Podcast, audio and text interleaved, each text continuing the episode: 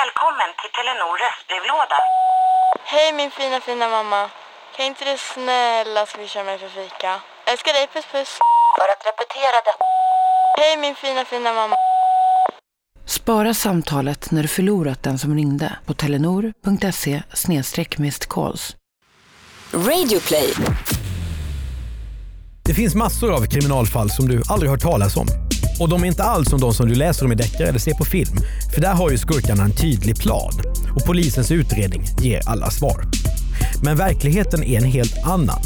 För det händer hela tiden att brottslingar de väljer fel kumpaner.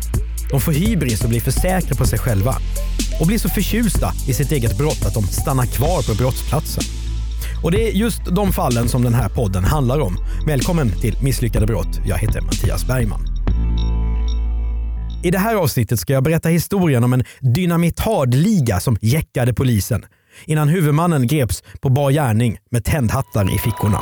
Tio minuter senare än förra lördagen kom meddelande till radiopolisens expedition i polishuset om att den nya smällen hade kommit. Tänk dig att en bombman, en terrorist, skulle utföra sprängdåd mot de viktigaste byggnaderna i en storstad och inte kunna gripas förrän efter flera månader. Det har hänt och det har faktiskt hänt i Stockholm. Tack och lov blev skadorna mirakulöst nog inte så stora och ingen människa blev ens allvarligt skadad. Men det är ett gigantiskt brott och fullständigt misslyckat. Året är 1946.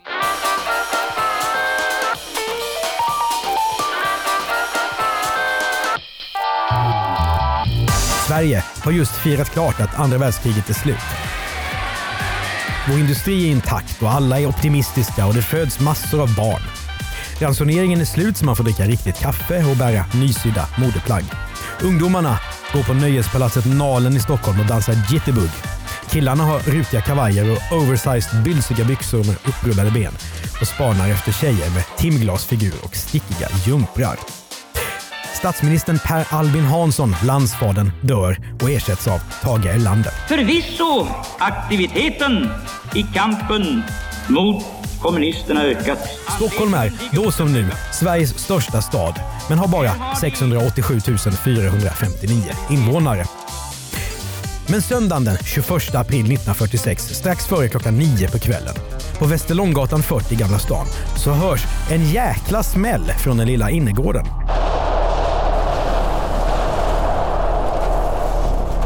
Två patrullerande konstaplar kutar dit. 50 fönsterrutor har gått i bitar i en sprängning. Ingen människa skadas, vilket är lite konstigt med tanke på hur tajt husen ligger här och för att Västerlånggatan är ganska smal. Att det här ska vara det första av hela tio sprängdåd mitt i Stockholm, det har ju ingen någon aning om nu. Och vem som har placerat bomben på innergården i Gamla stan, det vet man inte heller. Men det vet vi. Möt Erland.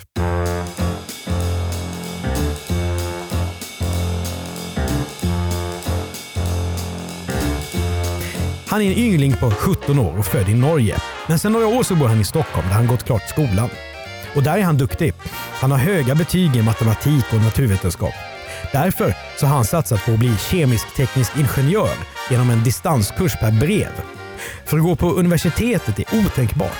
Studielån finns inte och Erlands familj har inga pengar.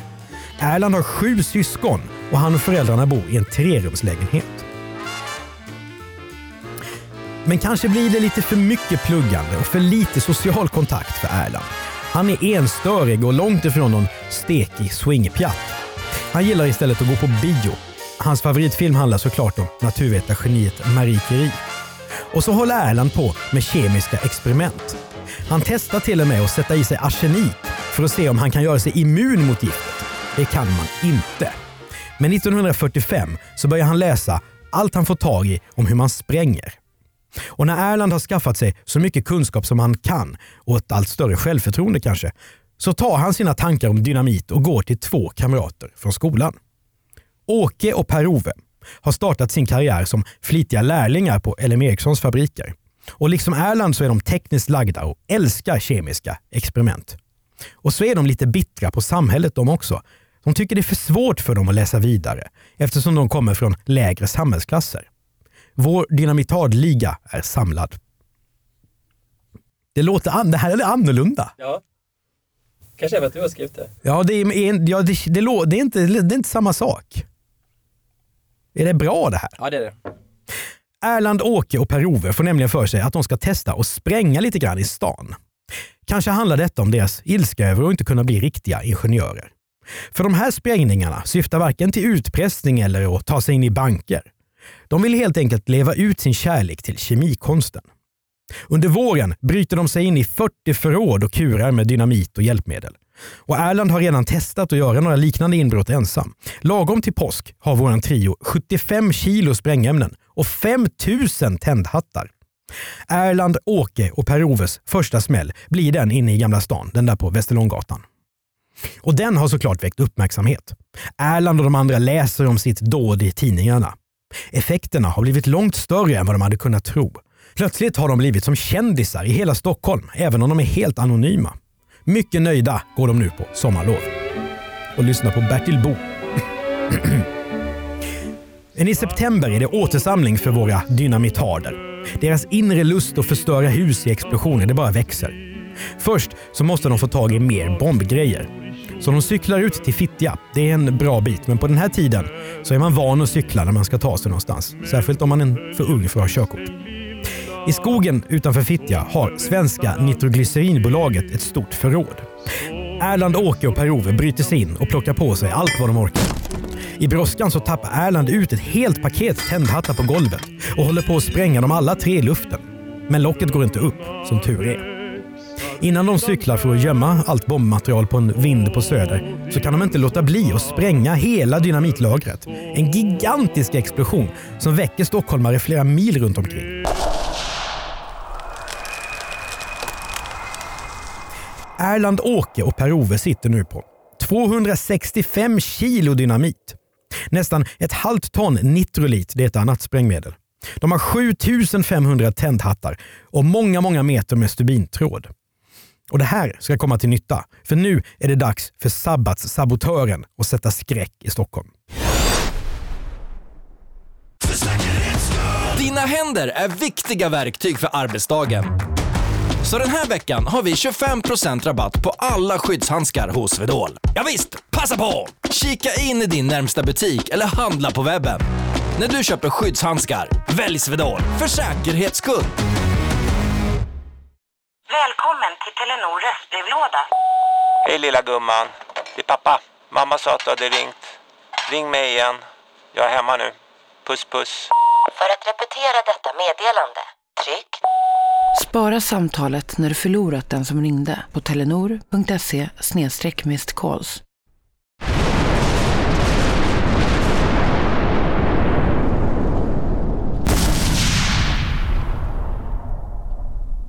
Korsningen Kungsgatan-Sveavägen är kanske Stockholms absoluta mittpunkt. Här rör sig mängder av människor dag som natt.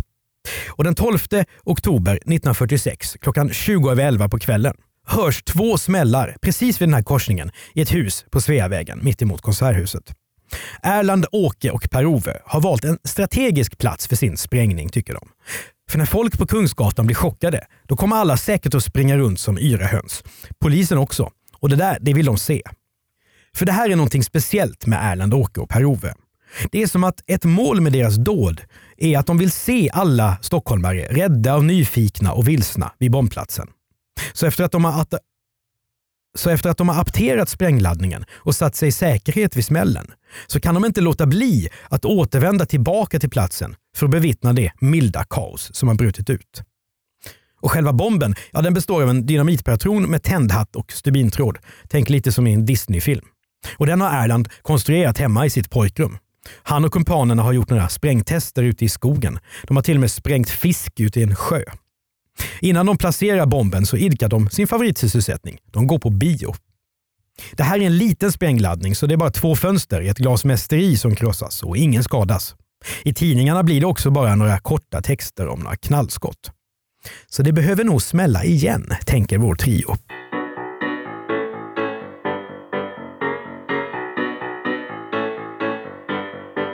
Och det ser de till att det gör också. Knappt en vecka senare, den 21 oktober, i samma hus som förra gången. Den här gången deltar inte Erland utan Per-Ove och Åke de har fått feeling på egen hand. När de har gjort sitt lördagsbiobesök så kastar de små sprängladdningar mot glasfönstren i huset på Sveavägen. Inte heller det här dådet är särskilt farligt. Men nu förstår stockholmarna att de här smällarna de hänger nog ihop. Någonting är fel på riktigt. Tidningsmurvlarna som älskar att ta i från tårna och skrämma upp folk, ja, de kallar dynamitarderna för sabbatssabotören. Varför det? Jo, för att med sina sprängattacker så saboterar de den judiska vilodagen sabbaten som infaller på lördagar. Det här är ju egentligen lite märkligt eftersom sprängningarna faktiskt har inträffat sent på söndagkvällar. Men journalisterna är så förtjusta i sitt namn på gärningsmannen att de bryr sig inte om sådana små detaljer. Och nu ska Erland Åke och Per-Ove växla upp. En vecka senare, måndagen den 28 oktober 1946 efter midnatt. Och nu är vi ett par kvarter från den förra sprängningen, borta vid Mäster Samuelsgatan, där Åhléns city ligger idag. Sabbatsabotörens nya sprängning den sker på innergården vid Klara polisstation. Och där på stationen sitter konstapeln Johan Stenborg och jobbar. Och Han ska berätta sen att han lyfter från marken av smällen och den förstör mängder av fönster. Hemma hos folk så ramlar familjefotona ner från väggarna. Glasskärvor far genom rummen. Skadegörelsen kostar så mycket som 8000 kronor. Det är ungefär 150 000 kronor i dagens penningvärde. Hur ska det här fortsätta? Är sabbatssabotören färdig nu? Nöjd med den uppståndelse som det här dådet har väckt? Icke. För under november månad 1946 så smäller det vid fyra tillfällen till mitt i Stockholm. På Mäster Samuelsgatan, Myntgatan och Tegnérgatan. Den 2 november hela två gånger och sen 9-16 november. Alla dagar är lördagar. Och nu kallas Erland, Åke och Per-Ove också för Dynamitmannen och Portvaktsskräcken. Ingen vet vilka de är. Och ingen vet heller att de är tre personer och inte en. Och den 2 november då hinner de väldigt mycket. Först bio, sen en ny förödande sprängning utan några mänskliga skador. Och på hemvägen genom Gamla stan, ja då är de på det igen. Tändhattarna liksom bränner i fickan, så de placerar en laddning alldeles nära kanslihuset, där regeringen jobbar. Det blir en ny präktig smäll. Medan polisen rensar upp, bland annat efter att en tjock järndörr har gått i luften, då står Erland, Åke och Per-Ove bredvid och tittar på och käkar korv. De blir till och med intervjuade av journalister om vad de har sett. De här laddningarna har Dynamitligan byggt så att de ska kunna misstas för tidsinställda bomber för att förvirra polisens utredare. Erland Åke och Per-Ove älskar att skapa mystik kring sig.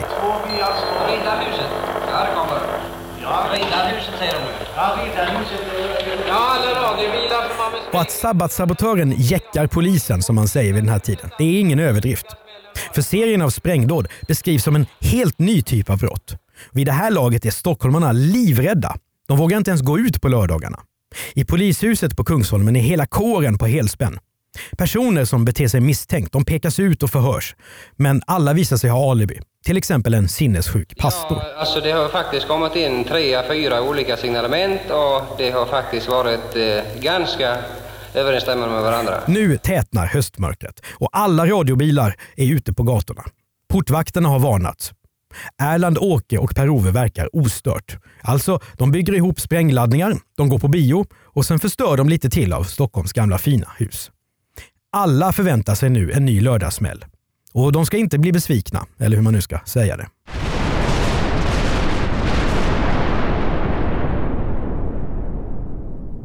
Den 9 november då är det en port på Tegnérgatan som blir platsen för sabbatssabotörens dåd. Och nu börjar det bli svårt för Erland att hitta bra ställen att spränga på, för hela stan är på helspänn. Men den här gången så får dådet verkligen effekt. Några chockade tanter förs till och med till sjukhus. För Erland blir sprängningarna nu allt mer riskabla. För både allmänhet och polis vill ha fast sabbatssabotören, död eller levande. 35 000 man är utkommenderade för att vakta sin stad. Så Erland berättar för sina kumpaner att nästa dåd måste vara det sista. Bara ett till, sen är det slut. Det här ska bli vad han kallar sin största bragd. Och nog ska det smälla allt. För nästkommande lördag den 16 november 1946 slår Erland till mot en av stans största byggnader, Centralstationen. Utanför det magnifika huset så kopplar han 9 kilo dynamit till tändhatt och stubintråd. Paketet har han i en resväska. Sen går han med stubinen sprakande i väskan genom den stora hallen och ställer ifrån sig bomben ungefär där restaurangen Lysette ligger idag. Sen väntar Erland iskallt tills 30 sekunder återstår till det ska smälla. Sen går han raskt ut centralplan och tar skydd runt hörnet. Folk sprang som yra höns och det blev ett väldigt väsen, berättar han senare för domstolen. Varenda stockholmare hör smällen. Från södra Söder upp på Östermalm. Fönster krossas i flera kvarter runt Centralen och gatorna fylls av glassplitter. Det är ett under att den enda mänskliga skadan är en kvinna som svimmar.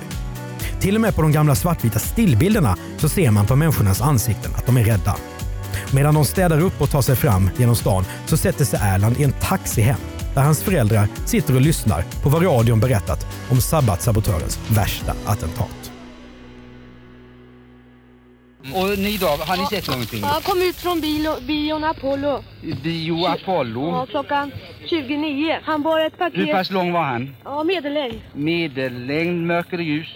Nu är stockholmarna lika trötta på knallare och förstörda hus som vi. De vill fira jul. Men några läderdockor som föreställer Musse Pigg är det nog inte i Erlands paket. För trots att han har bestämt sig för att lägga av med sprängdåd så kan han inte hålla sig. Visserligen så har han paus över julhelgerna men 29 december då kan han inte hålla sig ifrån dynamiten. Och lite är det nästan mediernas fel. För en tidning skriver att de tycker sig se ett mönster för sabbatsabotörens val av bombplatser. Om man prickar ut adresserna på en karta och drar streck mellan dem så blir det samma form som stjärnbilden Karlavagnen. Och Det här inspirerar Erland som låter sju patroner detonera på Blasieholmen nära Grand Hotel. Åke och Per-Ove blir nu förvånade, för Erland har ju sagt att han ska lägga av. Men han ringer dem och säger att han är oskyldig. För de har ju lagt av, hävdar han. Men... Prosit! Men nu har Erland trillat dit rejält. Han beter sig som en missbrukare som inte kan sluta. All bekräftelse som han känner när hela Sverige pratar om vad han har gjort gör att han kan inte låta bli att fortsätta spränga. Och det är på en plats där han har vistats många, många dagar för att plugga. Det stora stadsbiblioteket på Sveavägen. Det är nyårsafton 1946 och om det smäller i luften så är ju ingen förvånad då. Men det är ändå skillnad på ljudet av fyrverkerier och de tre detonationer som Erland har fixat i närheten av stadsbiblioteket. Byggnaden är inte ens 20 år gammal och ritad av stans mest kända arkitekt Gunnar Asplund. Seriesmällarna orsakar som vanligt materiell skada för massor av pengar, men ingen skadas. Direkt efteråt nosar Erland runt på platsen medan nyårsfirande Vasastans bor börjar samlas där. Han är som en pyroman som inte kan låta bli att gå tillbaka till brottsplatsen och se de höga lågorna. För att få en bra bild över rökutvecklingen så tänder han en tändsticka. Det är ju ytterst misstänkt. Vem gör en sån sak i närheten av en plats där det kanske finns sprängmedel kvar? Så tänker i alla fall köpmannen Edvin Björk, som är en riktig hjälte. Han bor några kvarter bort och han har sprungit till stadsbiblioteket när han har hört Erlands smällar under sitt nyårsfirande. Edvin Björk beskrivs som en kvickögd och rådig man och han håller koll på den här märkliga figuren med tändstickan. Ett femtontal andra stockholmare är också där och kollar skadorna. När överkonstapeln Berglund kommer fram och kliver ur sin radiobil så pekar Edvin direkt ut mannen. Den där, han var först på platsen, säger han. Erland grips. Kan han vara sabbatssabotören? Jo, överkonstapeln Berglund blir genast helt säker. För i Erlands rockfickor så finns det nämligen inte mindre än nio dynamitgubbar, hundra tändhattar och svart krut. Erlands spännande seriebrott har blivit ett totalt misslyckat och meningslöst brott. Erlands drift, att han måste stanna kvar på brottsplatsen efter sprängningen, ja det blev hans fall. Och köpman Björk, han får hela 20 000 kronor i belöning för sin insats. Det är en enorm summa. Nu hittar polisen Erlands gigantiska gömma av sprängmedel. Kumpanerna Åke och Per-Ove åker också snart dit. En av dem har till och med sett när Erland greps, för han var på väg att spränga på en annan plats när han gick förbi stadsbiblioteket. Det ska bli en sensationernas rättegång i en atmosfär som vi knappast är vana vid i det här landet, som det står i en tidning. Och självklart kommer Erland, Åke och Per-Ove att dömas. Men de journalister som bevakar rättegångar vid den här tiden, de är väldigt förbryllade. De får inte riktigt ihop hur det står till i huvudet på sabbatssabotören. Hur kan så pass välanpassade och trevliga ynglingar göra något sånt här?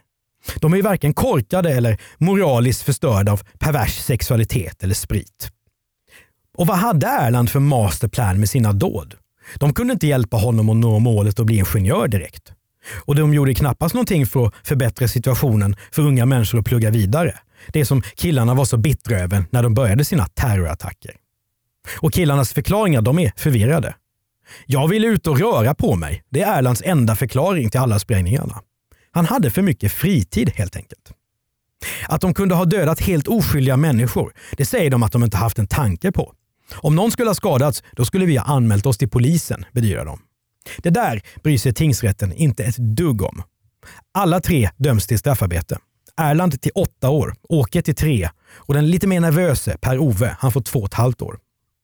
Sin ungdom till trots tar de emot domarna som män, som det står i boken Polisen lägger pussel.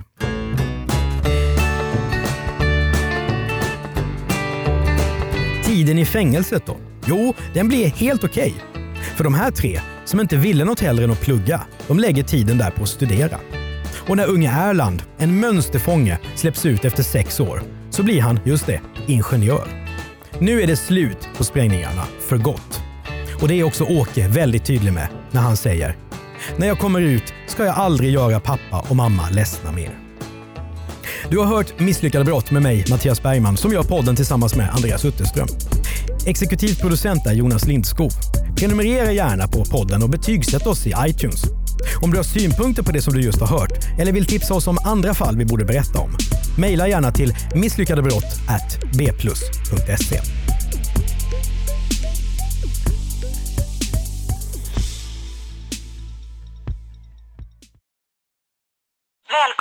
till Telenor röstbrevlåda. Hej min fina fina mamma. Kan inte du snälla swisha mig för fika? Älskar dig, puss puss. För att repetera detta. Hej min fina fina mamma. Spara samtalet när du förlorat den som ringde på telenor.se calls.